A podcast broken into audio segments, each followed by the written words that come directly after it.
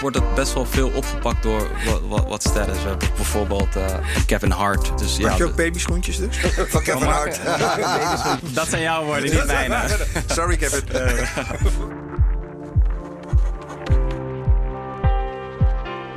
Ik ben Jurgen Rijman. En ik ben Benito Doelwijn. Welkom bij een nieuwe aflevering van Wij in de Toekomst. De podcastserie waarin we mensen willen aanzetten om mee te praten over werken en ontwikkelen in de toekomst. Want ja, hoe kunnen we duurzamer met onszelf omgaan en de maatschappij en wat hebben we nodig in die toekomst? Nou, we hebben het erover met gasten uit de politiek en het zakenleven. En vandaag hebben we iemand die alles weet over ondernemen. Op 16-jarige leeftijd raakte hij geïnspireerd. Zag een gat in de markt toen hij 19 was en startte zijn bedrijf vanuit zijn garage. Nou, dat het een innovatief product bleek te zijn, dat blijkt wel uit het feit dat hij op dit moment vertegenwoordigd is in 45 landen. We hebben het over Guillaume Philibert, oprichter van Filling Pieces, trendy sneakermerk en tegenwoordig ook kledingproducent. Yes, en uh, ja, er zullen mensen vragen, waarom Guillaume? Nou, heel simpel. Ik vind je jongen innoverend. Die man heeft uh, ups en downs gekend, weet wat het is om als jonge ondernemer... Ja, vanaf de bodem te beginnen, een onderneming op te zetten. Heeft een visie op wat jonge ondernemers ook nodig hebben in de toekomst. En natuurlijk om zijn ervaringen met ons te delen. Nou ja, wat ik heel erg van Guillaume zou willen weten is... hoe geven we uh, jonge ondernemers met innovatief, innovatieve ideeën de ruimte... om ideeën daadwerkelijk uit te voeren? Niet alleen nu, maar ook in de toekomst. Want uiteindelijk draait het om onze toekomst. Heet die podcast daarom mee in de toekomst? Ik bedoel maar. Oké, okay, goed zo. Het is goed dat je dat even uitlegt. ik ben ook, u heeft hem al een beetje horen grinniken op de achtergrond. Uh, we hebben eindelijk een, een, gast in de studio. Dat is ook heel fijn. Onze eerste non-coronaproof uitzending. Wel coronaproof, we hebben allerlei schermen. We hebben alles ontsmet. We hebben nu op plopkappen gezet. Maar ik ben wel blij om eindelijk onze gast gewoon in de ogen aan te kijken. Face-to-face. Face-to-face. Guillaume, welkom. Fijn dat je er bent. Ik zie het ook. Filling Pieces Family Forever. Uh, een van je t-shirts. Yes. You wear it with pride. Uh, hoe is het met je nu? Uh, het gaat goed. Uh, hele rare periode achter de rug. Mhm. Maar um, de familie en, en, en het team, iedereen is gezond. Dus gelukkig uh, gaan we gewoon door. Ja. Zie je de business ook weer een beetje oppakken nu? Ja, zeker. Um, om heel eerlijk te zijn, we hebben een, een, gedeelte wat gebaseerd is op wholesale van de business. En daar, ja, heel veel winkels waren dicht. Dus daar zagen we zeker wat problemen. Mhm. En geloof ik ook dat het nog zeker niet over is. Het uh, moeilijker uh, moment. En online gelukkig ging alles wel door. Dus daar uh, zagen we wel positieve ontwikkelingen gelukkig.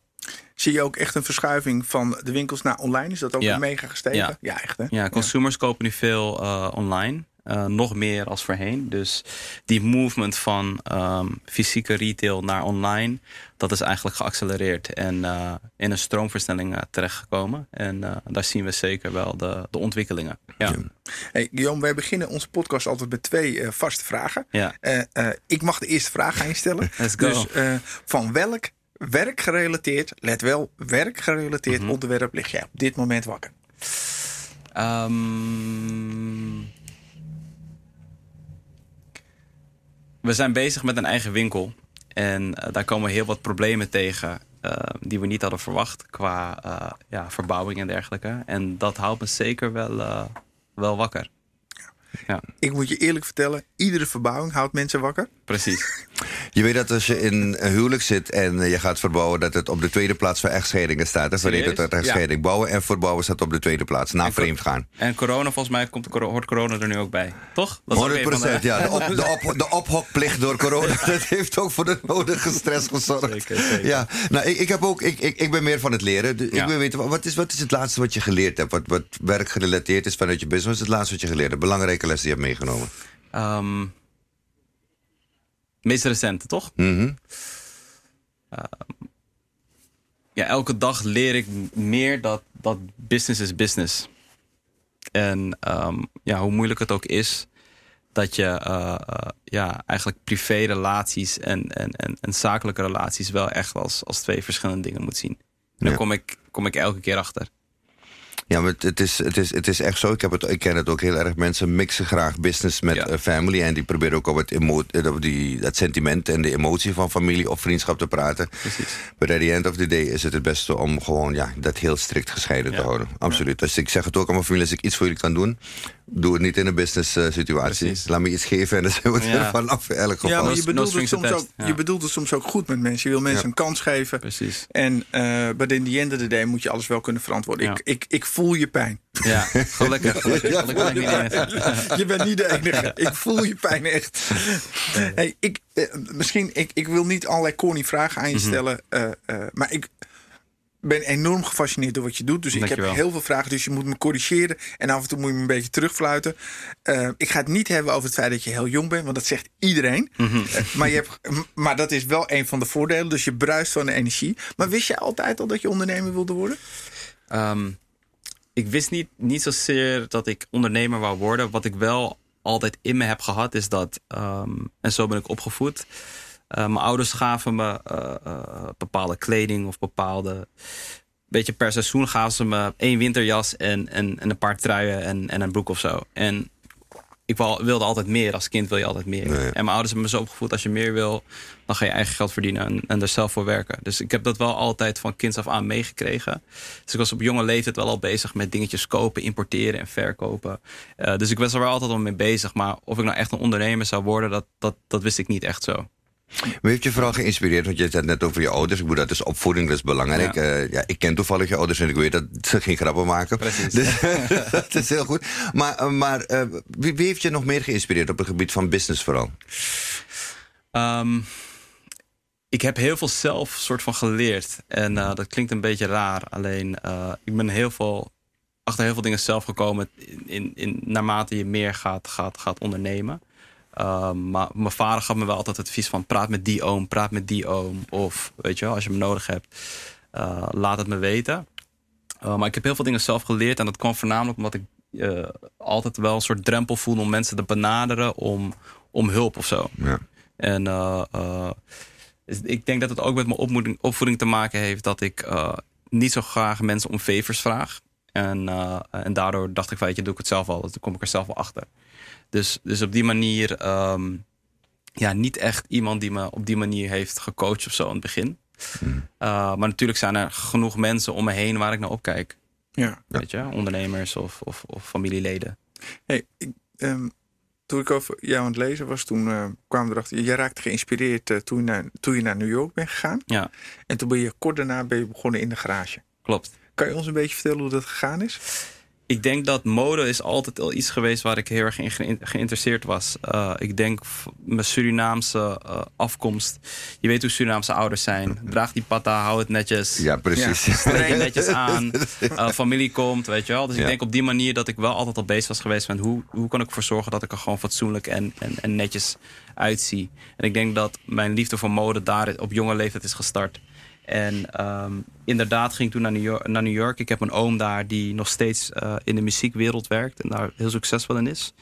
En uh, uh, ja, ik ging, ik ging naar New York op, op zoek naar eigenlijk naar wat, wat exclusieve kleding en schoenen die ik op, op het internet had gezien. En daar begon echt die liefde van: oké, luister, als ik het hier kan maken, dan, dan weet je wel, let's go. Weet je, en ik kwam daar merken tegen, bepaalde schoenen die mij inspireerden om te doen wat ik vandaag de dag doe. Omdat ik vond dat in Europa ze nog niet zo ver waren met wat ik in New York zag. Zoals? Uh, bepaalde sneakermerken die, die, die heel groot daar waren, die in Nederland nog niet zo bekend waren. Uh, bepaalde muziekstijlen die ook ja, heel erg gelinkt waren met kledingstijlen die ik daar zag in winkels die ik niet in Europa zag. En dat heeft me eigenlijk geïnspireerd om, om te doen, om te starten eigenlijk. Maar ben je echt gaan ontwerpen, ook in je garage? Um, ik, ben, ik ben begonnen met het ontwerpen op, op me, op me, ja, in mijn slaapkamer, soort van. En uiteindelijk, toen de eerste schoenen en dergelijke binnenkwamen, die, ja, die, die sloeg ik op in, in de garage van mijn ouders. En vanuit daar begon ik eigenlijk een beetje winkels te leveren. En, en wow. maar, maar waar haal je dat geld vandaan om je eerst? Want je moet weer ergens beginnen. Klopt. Ik denk dat, uh, en dat is ook een vraag die, die, die me vaak wordt gesteld: van ja, hoe heb je dit uiteindelijk gefinancierd? Om heel eerlijk te zijn, ik studeerde fulltime. Um, ik woonde gelukkig thuis. Dat, dat, dat scheelde me heel veel kosten. En ik werkte donderdagavond, zaterdag en zondag. En vaak ook nog een dag door de week als ik uh, vrij kon krijgen van school. Of, of, of een, ja, een dag spijbelde of whatever. En ja, daar heb ik gespaard. En met, met dat geld ben ik begonnen. Hoe ben je van een idee naar uiteindelijk naar product gegaan? Um, voornamelijk heel veel research online gedaan. Heel veel mensen geloven het niet, maar Uh, zeker heb ik een jaar lang in China geproduceerd, de eerste jaren. En ik ben nooit toen de tijd de fabriek gaan bezoeken. Dus alles ging via het internet. Wauw. Uh, betalingen gingen via Western Union. Ik weet niet of je dat ken, yeah, kennen. Ja, um, ja sample uh, validaties en, en designs werden ingescand. Scan, schetsen werden ingescand. Via de e-mail verstuurd naar de fabriek. En zo ging het. En ik kreeg de eerste samples binnen. En vanuit daar Weet je, als je een product hebt, kan je naar winkels gaan en checken van, joh, vind je het tof, wil je het inkopen? En daar is het echt begonnen. Ja. Wat, wat, nu zit je in een grachtenpand in Amsterdam. Uh, Oké, je huur is laag, want je hebt het zelf opgeknapt. Je hebt net al gezegd, daar kom je ook alle hoofdpijn tegen. Waar je niet op ja. Je leert het niet af. ja. Maar bedoel, welke ups en downs heb je nog meer gekend met je onderneming? Ik bedoel, je zit nu in 45 landen, ik bedoel, dus het gaat goed. Uh, uh, maar welke ups en downs heb je allemaal? Wat waren voor jou belangrijke leermomenten? Um, belangrijke, belangrijke leermomenten zijn voornamelijk geweest toen. Uh, zeg maar, in dat ondernemen kom je elke dag ups en downs tegen. En ik denk dat ik elke maand wel een moment, uh, in een moment kom of, of, of, problemen tegenkom waarvan ik denk van dit zou best nog wel echt heel dramatisch af kunnen lopen. En ik denk dat ondernemen vooral het dealen is met problemen en die, ja, die eigenlijk transformeren naar kansen. En ik denk dat de hele corona-situatie daar uh, een groot voorbeeld van is. Want waar een crisis is, zijn ook kansen. Uh, maar waar ik het meeste van heb geleerd is voornamelijk uh, de les van wie kan delen, kan vermenigvuldigen. dus daarom is in 2013 ook een partner erbij gekomen. waarbij we samen echt het merk neer hebben gezet en de bedrijfsstructuur hebben neergezet. En um, ja, een van, de, een van de grote verhalen die ik wel vaker ook vertel... is dat we ooit een keer een, een schoenoplaag hebben gekregen. Dat was de meest populaire schoen. En normaal in de mode werk je dus een jaar vooruit. Uh, dus je ontwerpt een jaar, een jaar mm. van wat ze, wat ze bijvoorbeeld de winter van 2021 nu gaan dragen. Daar zijn we nu mee bezig. En um, ja, dan maak je samples een, een, half jaar van tevoren. Die verkoop je aan winkels. En dan heb je een half jaar om te produceren en te leveren. En de sample kwaliteit van een bepaald materiaal die was van een hele hoge kwaliteit. En toen de productie binnenkwam, hebben we eigenlijk niet de samenstelling van het materiaal uh, goed gecheckt of gecontroleerd. En toen hadden we iets van 13.000 paar schoenen die we terug moesten halen. En dat is een van de momenten geweest waarvan ik echt dacht van oké, het is klaar. Ja. Weet je wel, het is binnen een nice ride. Ja. Uh, en daar moet je dan ook weer overheen komen. En dan moet je je voorstellen, je hebt, je hebt duizenden klanten die via de webshop hebben gekocht en klagen over die schoenen en over de kwaliteit. En je weet hoe Instagram is en social oh, media, wat er over, over, over het merk wordt gezegd. Ja. Destroy Direct, weet je wel. Winkels die het vertrouwen verliezen. We hadden heel vaak winkels die dan dat seizoen voor het eerst kochten. Uh, uh, en zo'n slechte ervaring hebben. Dus het was gewoon dramatisch. En daar moet je dan uiteindelijk ook weer overheen komen. Ja. Um, which we did. En uiteindelijk uh, moet je gewoon weer verder. Dus ja, je, je, komt gewoon vaak problemen tegen waarmee je moet dealen. En ik denk dat dat ondernemen is. Nog één vraag voordat we naar het volgende blokje gaan. Ja. Uh, je zei net iets mooi. Uh, je, ja, je ziet ook opportunities ook in de coronacrisis. Wat, ja. was, wat was een belangrijke opportunity in de coronacrisis die je gezien hebt? Ik denk dat voor iedereen het belangrijk is geweest in deze periode om erachter te komen wat echt belangrijk is. Um, vanuit, vanuit een brand point of view doen we heel veel marketingactiviteiten als merk outdoor campaigning, events, uh, feestjes, uh, uh, fashion weeks, persdagen, fotoshoots hier en daar. En uiteindelijk zijn we erachter gekomen van oké, okay, drie maanden lang hebben we dat allemaal niet kunnen doen. We zijn er nog steeds. Ik denk dat heel veel van onze klanten ons nog steeds relevant vinden. Dus moeten we eigenlijk zoveel doen. Ja. We rennen van, van stad naar stad, van Milan Fashion Week naar Paris Fashion Week naar New York Fashion Week. Is het allemaal nodig? En is het uiteindelijk niet allemaal overbodig of overbodige luxe? En daar zijn we denk ik achter gekomen. Dus waar we kansen zien is, is veel minder geld uitgeven aan dingen die eigenlijk niet nodig zijn. Heel erg terug naar de basis en terug naar de core. En vooral, uh, uh, weet je, play offense in, in een crisis. Dus zie waar de kansen zijn. Waar grote corporates helemaal niet flexibel zijn om te bewegen. Zijn wij dat als klein merk wel. Ja. Dus op wat voor manier kunnen wij origineel en, en, en, en, en slim en creatief zijn in zo'n zo'n situatie. Ja. Nou, dat is wel interessant dat je zegt. Ik heb, er is ooit een, eh, een, een, een, een Nederlandse uh, bedrijfsstratege. Hij leeft helaas niet meer. Peter mm Lehey. Mm -hmm. Die zei uh, altijd tegen mij. Hij zegt, Ben, bij uh, grote bedrijven... daar gaan ideeën naartoe om te sterven. Mm -hmm. Omdat ze hun, hun, snelheid, hoe ze op dingen kunnen reageren... raken ze gewoon kwijt. Omdat ze zo ontzettend groot zijn geworden. Precies. Maar even iets anders. wat is het doel met je onderneming? Behalve geld verdienen. Heb je ook nog andere doelen? Wat zou je echt willen bereiken? Het allergrootste doel wat ik zie in onze onderneming en het merk wat ik bouw, is dat wij, um, wij willen mensen uniten. En wij geloven dat diversity unites people. En ik denk dat dat, dat is wat heel veel mensen niet weten. Dat is waar Feeling Peace voor staat. Feeling Peace is als je het letterlijk vertaalt, vertaalt naar opvulstukken. Wij zijn ooit begonnen omdat we dat gat wilden vullen tussen uh, streetwear en high-end fashion. Als je daar dieper in duikt, zie je dat streetwear komt uit eigenlijk een cultuur, black culture, van minorities. Van mensen die het minder hadden. High-end fashion was altijd voor de white elites. En dat waren twee verschillende werelden die nooit samenkwamen. Door middel van muziek en kunst en, en noem maar op, zijn die werelden steeds dichter bij elkaar gekomen. En ik geloof nog wel dat high-end fashion is een hele exclusieve, hele uh, uh, uh, moeilijke, een heel moeilijk segment waar je heel moeilijk binnen kan dringen. Streetwear daarentegen is veel meer open, veel meer sociaal. En um, ja, eigenlijk het segment waar wij ons in bevinden is high-end fashion. Weet je, als je kijkt met de winkels waar wij werken, de department stores, de boutiques en dergelijke. Um, dat is een hele exclusieve, hele moeilijke wereld waar je heel moeilijk in komt. En ik denk dat wij als merk onze eigen table hebben gecreëerd. Met merken zoals Daily Paper, Olufusijn mm en, en dergelijke. En wij hebben onze eigen tafel gecreëerd, ons eigen successen geboekt. En daarin, daarin eigenlijk een soort eigen segment aangeboord. Maar terugkomend op de naam, wij willen heel graag dat gat zeg maar, dichten. En het merk moet daarin het platform zijn.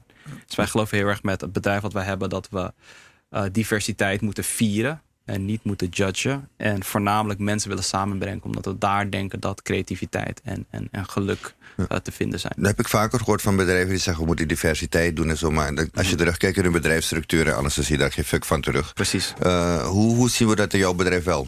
Ik denk dat het allerbelangrijkste is dat, dat, dat we teruggaan naar waar ik vandaan kom. Um, Surinaamse jongen, in Nederland geboren, opgegroeid in Heemskerk. Een super klein wit dorpje. Ja. Um, mijn vader is op hele jonge leeftijd uh, in Nederland komen studeren. Verhuisd uh, naar Heemskerk met mijn moeder. Ze zijn daar getrouwd en vervolgens zijn mijn zus, broertje en ik daar geboren. Um, je moet je voorstellen dat als Surinaamse kid in zo'n klein, zo'n kleine community daar. Uh, ik heb gehockeyd, ik heb op daar op school gezeten, ik heb andere sporten gedaan. We waren vaak de enige gekleurde kinderen. En uh, vanuit, vanuit huis kreeg ik de Surinaamse uh, normen en waarden en warmte mee. Op school leerde ik de Nederlandse cultuur en daar de Nederlandse normen en waarden. En die twee werelden, die vormen eigenlijk wie ik ben. Mm. Um, en als je kijkt naar hoe wij het bedrijf hebben neergezet. Dus niet alleen het idee van die twee werelden samenbrengen. High-end fashion en streetwear. Maar ook als je kijkt naar wie ik ben, wie mijn partner is. Uh, en hoe eigenlijk onze bedrijfscultuur is. We hebben denk ik 29 verschillende etniciteiten rondlopen. En het is niet dat wij zo gerecruit hebben. Het is, dit is iets wat... Het is vanzelfsprekend. Het is vanzelfsprekend. Het is iets wat leeft. Weet je, seksuele voorkeuren, verschillende seksuele voorkeuren, verschillende geloven, uh, etniciteiten, noemen we op. Dat is zeg maar echt deel van wie wij zijn. En het is niet iets dat wij vandaag de dag because of Black Lives Matter, dat we dat nu maar zeg, zeg, je, zeg je hier iets heel belangrijks? Hè? Want zeg je van, het, het, is een, het is niet iets wat je, waar je policy voor moet maken. Het moet een state of mind zijn als je dat echt wil hebben. Precies. En ik denk dat dat het grote probleem is bij de grote corporates. Is dat, weet je wel, het, het hele beleid en de hele cultuur en de state of mind is niet divers. Dus dan kan je ook niet verwachten dat je bedrijfscultuur divers is. Of, of, of hoe je team in, in elkaar steekt. ondanks soms de beste intenties pakt het dan gewoon uh, totaal anders uit. Misschien wel, wat is er wat jou betreft nodig om innovatie meer ruimte te geven? Eh, is er dan behoefte aan een, een nieuwe businessmodellen? Ik denk dat het begint bij de educatie van de jeugd. Ik, ben, ik heb op een school gezeten waarbij uh, bijvoorbeeld de creatieve sector super onbelangrijk was. Of bijna niet op school naar voren kwam. Ja, een beetje handenarbeid of whatever, weet je wel. Ja. Maar dat je nou net die vervelende leraar die jou niet mocht. En dat je daardoor dat segment Ach, helemaal... dat in, uh, ja, precies, handenarbeid, dus Voor mij, voor mij is gewoon education de key. En ik denk om innovatie meer ruimte te geven... moet je ook wel innovatie kunnen stimuleren... en creativiteit kunnen stimuleren bij de jeugd. Want de, de jeugd is de toekomst, zeg maar. En um, ik denk als volgende stap dat vanuit de overheid een meer budget en meer, meer vrijheid moet worden gegeven aan jonge ondernemers die qua innovatie zich, zich inzetten. Maar hoe zit het als je kijkt naar binnen jouw bedrijf? Want ja, jij, je bedoel, je hebt het bedrijf waar je praat over innovatie. Ik bedoel, eh, zeker de, als je dat over praat, die gap die jullie willen vullen tussen de streetwear en de high-end fashion. Dat, dat- ja, dat, dat is echt een bloeiende markt nu. Heel veel innovaties erin. En niet alleen sneakers, kleding, op allerlei manieren uh, uit het zich. eh, tot en met eh, jewelry serven er op alle manieren uit.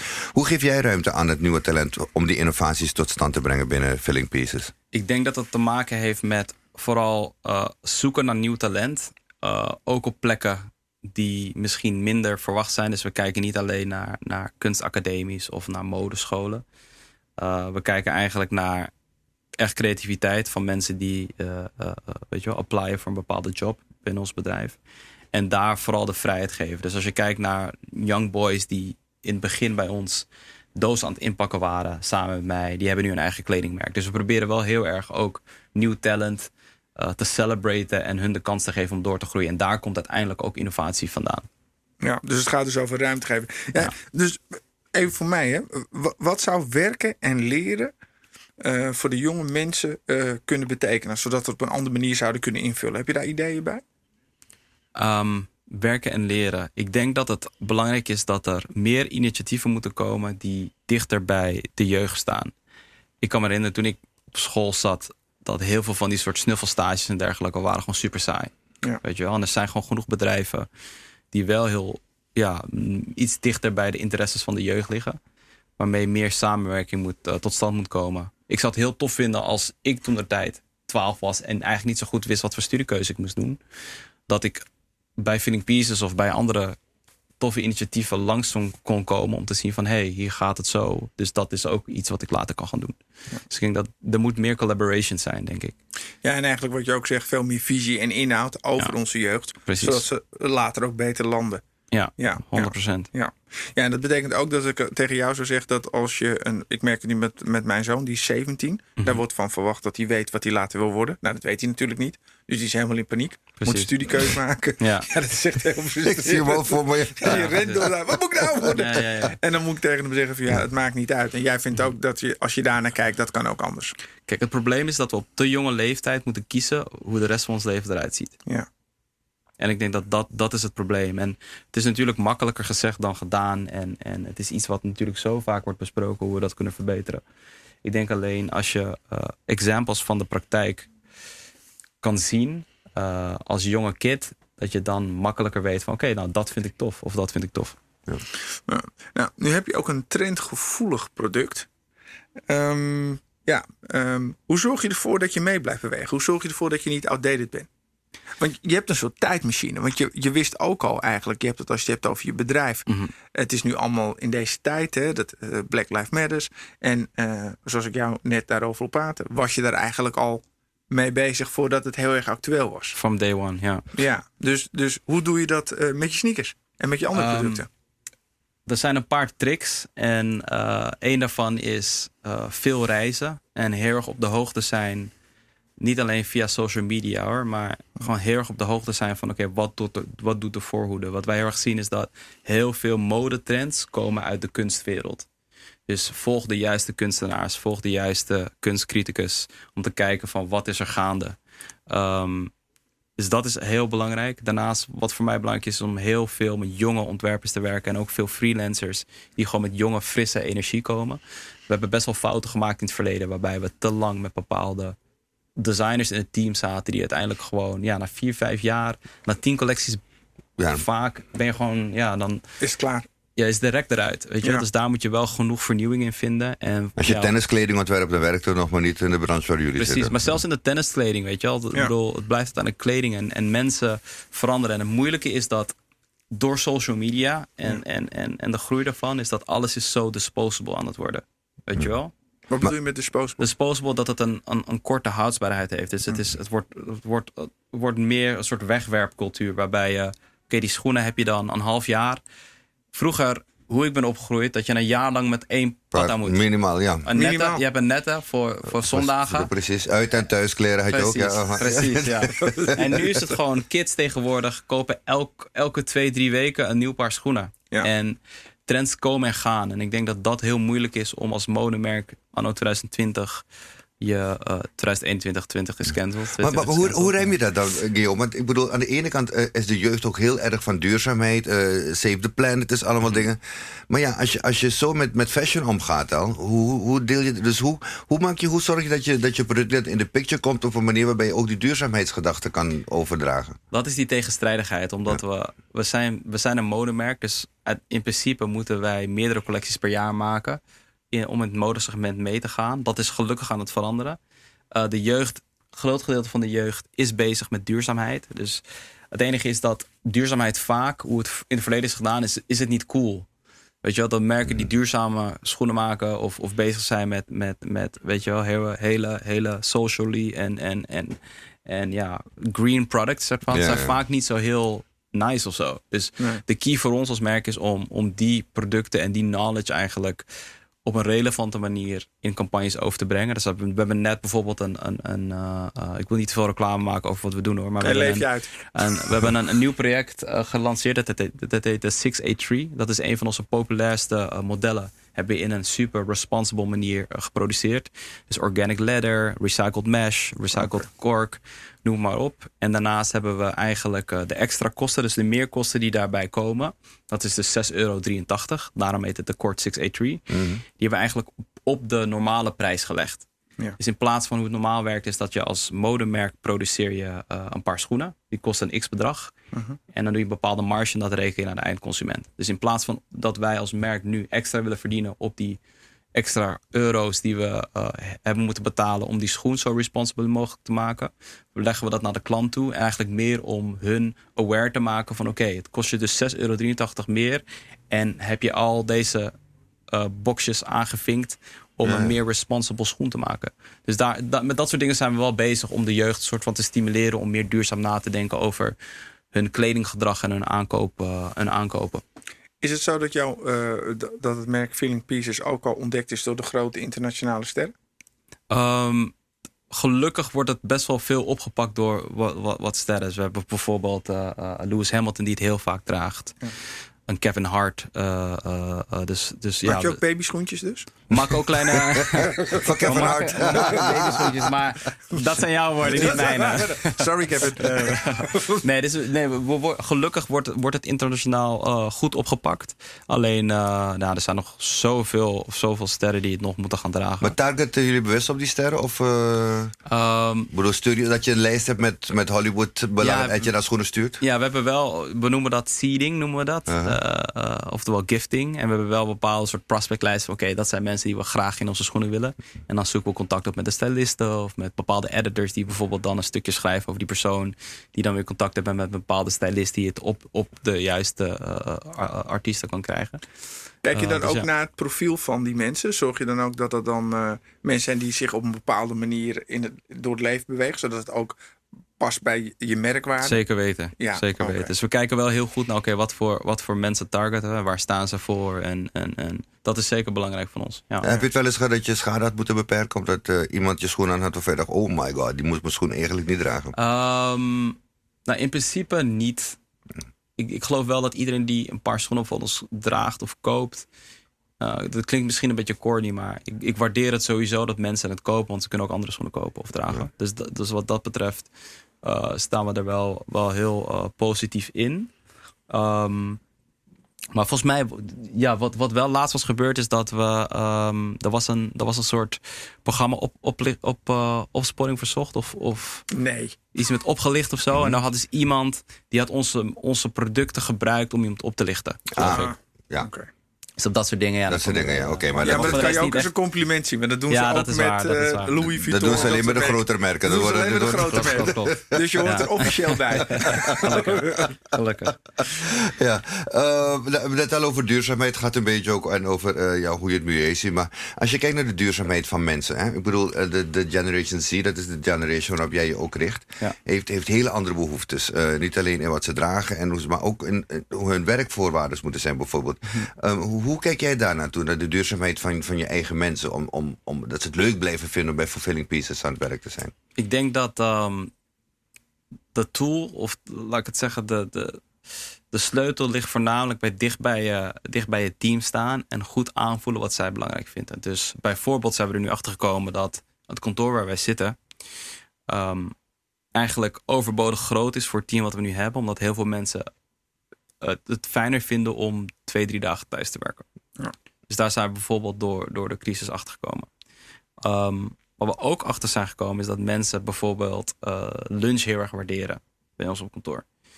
Ehm, we hebben, we hebben in, eens in de zoveel tijd hebben we Surinaamse lunch. En dan wordt er Surinaams gekookt. En dan, dat waarderen mensen heel erg. Dus er zijn vaak van dat soort kleine dingetjes die in grote schaal van het bedrijf niet, niet heel moeilijk zijn om te realiseren. Maar wel heel erg bijdragen aan de kwaliteit. En ook dus de duurzaamheid van je, van je personeel.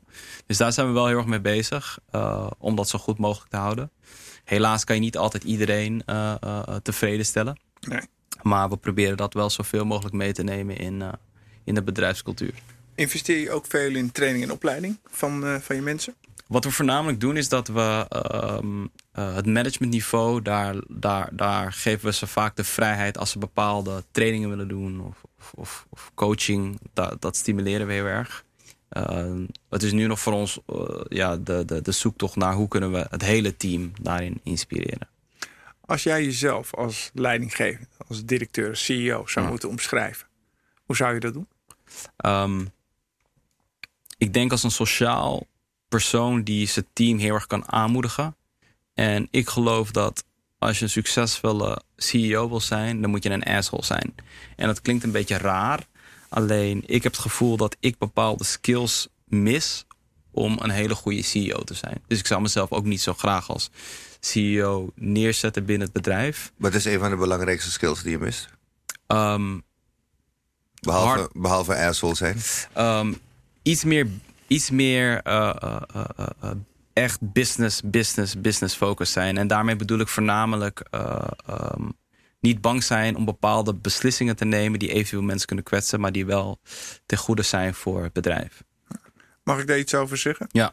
En dit bedoel ik echt uit mijn hart. Ik ken heel veel ondernemers die hebben het boek van Steve Jobs gelezen. Mhm. En die denken dan, I need to be an asshole to be successful. Mhm. Gelukkig zijn er veel meer mensen die gewoon vanuit hun hart ondernemen. Ja. Die hebben ook wind mee. Precies. So please do not Ja. become an asshole. Maar- zo. Want die groep Precies, is maar- oververtegenwoordigd. Maar, maar wat ik daar graag over wil, nog over kwijt wil, is dat ik denk dat je een balans moet hebben binnen een organisatie. En daarom Ja. werkt, denk ik, werkt het bij ons heel goed, omdat ik heb een, ik heb een partner. Die is vaak de bad cop, ik ben vaak de good cop. En vaak zitten we wel op één lijn. Alleen, eh, ik heb bijvoorbeeld heel veel moeite om, om mensen te ontslaan. Helaas zit dat gewoon niet in mij. Nee. Dus kan ik het ook niet doen. En daarom doe ik het ook vaak niet. Nee. Ehm, maar hij kan het weer wel. En ik denk dat een balans heel belangrijk is eh, binnen een organisatie. Dus eh, ik wil ook zeker geen asshole worden hoor. Maar eh, ik, ik vind het is wel belangrijk dat je iemand in het bedrijf hebt die gewoon heel punctueel is. En ja. Ja. totaal niet op emotie inspeelt. Deze podcast zitten wij in de toekomst. En we gaan langzaam zeker naar het einde toe. Maar toch, ik wil toch, ja, ik, vind dit een van onze meest fascinerende gesprekken tot nu toe. Al zeg ik het zelf. Ehm, want ja, ik, ik vraag me toch af, als we kijken naar 2050, hè, de echte toekomst. Ehm, hoe, hoe ziet Filling Pieces eruit? Hoe ziet je, hoe ziet je werkomgeving eruit? Eh, hoe ziet je product eruit? En Ja. ja, hoe groot is je markt? Ehm, hopelijk heel groot. Ehm, ik denk, ik, ik vraag het me heel erg af. Weet je waarom? De toekomst van schoenen en, en ook kleding eh, zien wij heel erg ontwikkelen. Dus eh, de manieren waarop er wordt geproduceerd, maar ook wat voor producten er worden geproduceerd. En kleding is toch altijd een soort bescherming van het menselijk lichaam. Dus als je bijvoorbeeld ziet hoeveel, ja, hoe belangrijk mondkapjes in één keer zijn. En wordt dat, opeens wordt dat ook een soort Fashion modeartikel product, of ja. fashionproduct. Ehm, maar ook dragen we nog schoenen van leer met veters bijvoorbeeld. Als je nu ziet dat Kanye West heeft eh, vorige week een bepaalde schoen gelanceerd. Dat is eigenlijk een schoen zonder veters. Is gepro- geproduceerd in de US. En ook gemaakt van, geloof ik, gerecycled alg, eh, algen. En dat is, een, dat is een bepaalde schoen die, die, die geen veters heeft. En dat is een soort instapper. Eh, Maar dat is niet nieuw. Ik But fast forward. Er komt een moment dat je die schoenen kan printen. Dus er komt een moment dat wij thuis printers hebben staan. Ja. En schoenen printen. Ja, dat je een ontwerp downloadt. En je ontwerpt het, je ontwerpt het, het, het, het model. ja. En je print hem thuis. En moet niet zeggen dat het binnen nu en vijf jaar gebeurt, misschien wel. Maar 2050 zeker weten wel. Ja. En dat zou ook heel goed kunnen dat we in 2050. eh, ik kijk niet heel veel van die soort van sci-fi en, en, en, en, en futuristic movies. Maar het zou heel erg kunnen dat we dan. dat kleding niet echt meer een ding is, maar dat je gewoon een soort body armor hebt. En that's how you move. Ja. Ja. Dus de vraag is, ja, hoe, hoe gaan wij daarop inspelen? Ik weet dat hele grote merken er wel al mee bezig zijn, in ieder geval. Met ook 3D-printing vooral. Maar, maar eh, dus daar, daar zijn we als klein bedrijf lopen we daar wel achter. Dus dat zijn wel dingen waar we. Als je dit zo stelt, hè, wat zouden wij dan anders moeten doen vandaag? Als je kijkt naar werken en ontwikkelen in de toekomst. Wat zouden wij vandaag al anders moeten doen om hier goed bij te zijn?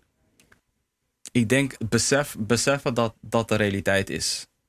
Denk ik. Ik denk dat het begint bij ehm, pioneers, weet je wel, en Elon Musk die dat toen de tijd heeft geroepen over SpaceX en het is realiteit. Ja. Ik bedoel, SpaceX heeft laatst een raket, eh, weet je wel, Ja. gelanceerd. En ik denk dat, ik bedoel, als je dat mij drie, vier jaar geleden vroeg, zou, zou ik zeggen, die guy is gek. Weet je wel, maar dat is wel zeg maar echt de toekomst. Dus ik denk vooral, dat- vooral het realiseren dat dat echt de toekomst is.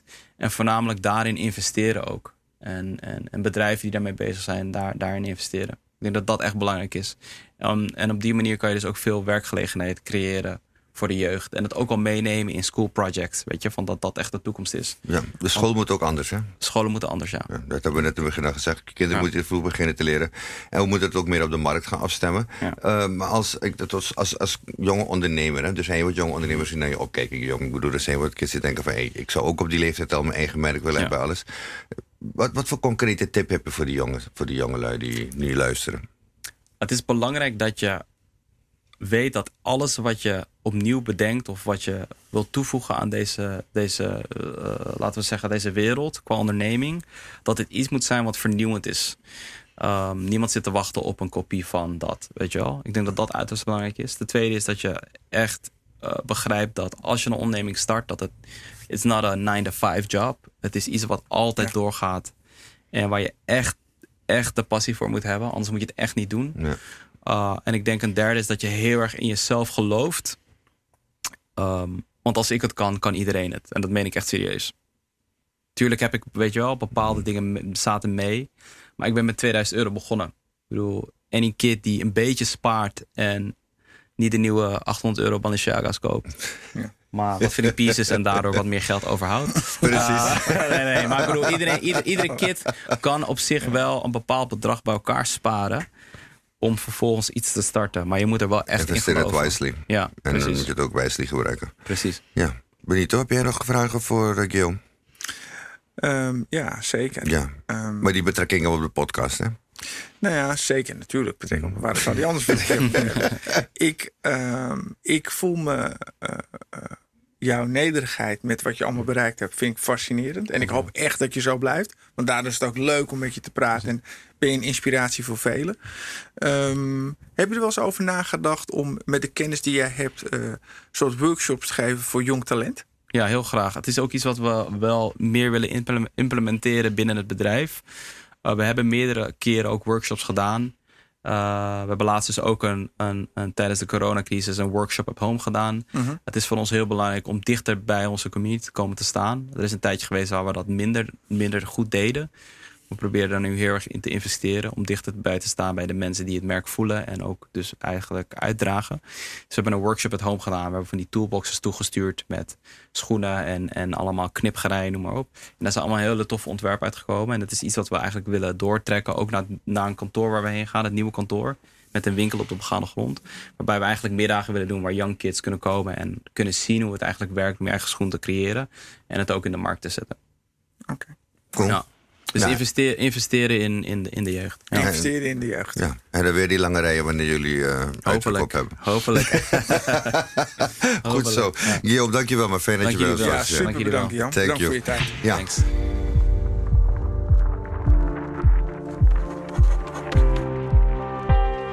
Nou, Benito, Wat hebben we van Guillaume allemaal opgestoken? Ik moet je eerlijk zeggen, Jurgen, ik ben erg onder de indruk. Wat een sympathieke vent. Eh, eh, ik weet niet of het te maken heeft met zijn Surinaamse opvoeding. Waarschijnlijk. Waarschijnlijk wel. Doe gewoon, jongen. Doe gewoon, precies. Ja. Maar eh, ja, wat hebben we van hem opgestoken? Een van de mooiste dingen die ik vind dat hij heeft gezegd... en dat is ook een beetje in de woorden van Denzel Washington... it's not supposed to be easy. Dus het is gewoon keihard werken als je eigen bedrijf begint. Je krijgt het niet cadeau. En alle achtbanen, alle pieken en dalen die erbij horen... teleurgesteld worden door die vage familie... door die neef of die vriend die je wil helpen. Ja. The end of the day, het is business en je krijgt het echt niet cadeau. Maar wat een indrukwekkende organisatie heeft hij neergezet. En nog belangrijk om te weten... hij heeft een manier gevonden om zijn tijd vooruit te blijven. ja. Kijk, Absoluut. iedereen heeft het nu over Black Lives Matters. En wat je er ook van mag, mag vinden, dat er zeiden. Maar hij was er al mee bezig. Hij heeft zijn hele bedrijf zo ingericht. Het is een soort van, eh, ja, ik mag het merk niet noemen misschien, maar een soort Benetton. Iedereen werkt bij hem en iedereen werkt op een hele goede manier met hem. En misschien is dat ook wel de kracht van zijn bedrijf, diversiteit. Absoluut. En dat is mijn punt wat ik wilde meenemen van deze. Van het, wat je ook zei van di- diversiteit is een state of mind. Het is net een policy. En eh, ik denk als bedrijven dat meenemen van diversiteit echt gewoon. Het moet zitten. Je moet begrijpen waarom het de meerwaarde is. Niet alleen maar eh, omdat je dan voldoet aan de, de morale of de morele regels. Maar dat je dan ook een betere business case hebt. Dat je gro- veel groter bereik hebt. Ik denk dat dat een belangrijke les is die we mogen meenemen. daarmee sla je de spijker op zijn kop. Diversiteit is gewoon business. Het is, het is niet, je doet het niet vanwege mensen. Is really business. Het is big business. Ja. Nou, dames en heren, dit was hem dan weer. Wij in de toekomst, de podcast waarin wij, Jurgen Rijmen en Benito, doen wij proberen Nederland te bewegen om te denken over werken en ontwikkelen in de toekomst. Voor een positieve toekomst voor werkend Nederland. Wil je meer horen? Ga dan naar www.bnr.nl slash wij in de toekomst, de BNR-app of je favoriete podcastplatform. Dank u wel en tot de volgende keer. Adieu. Bye.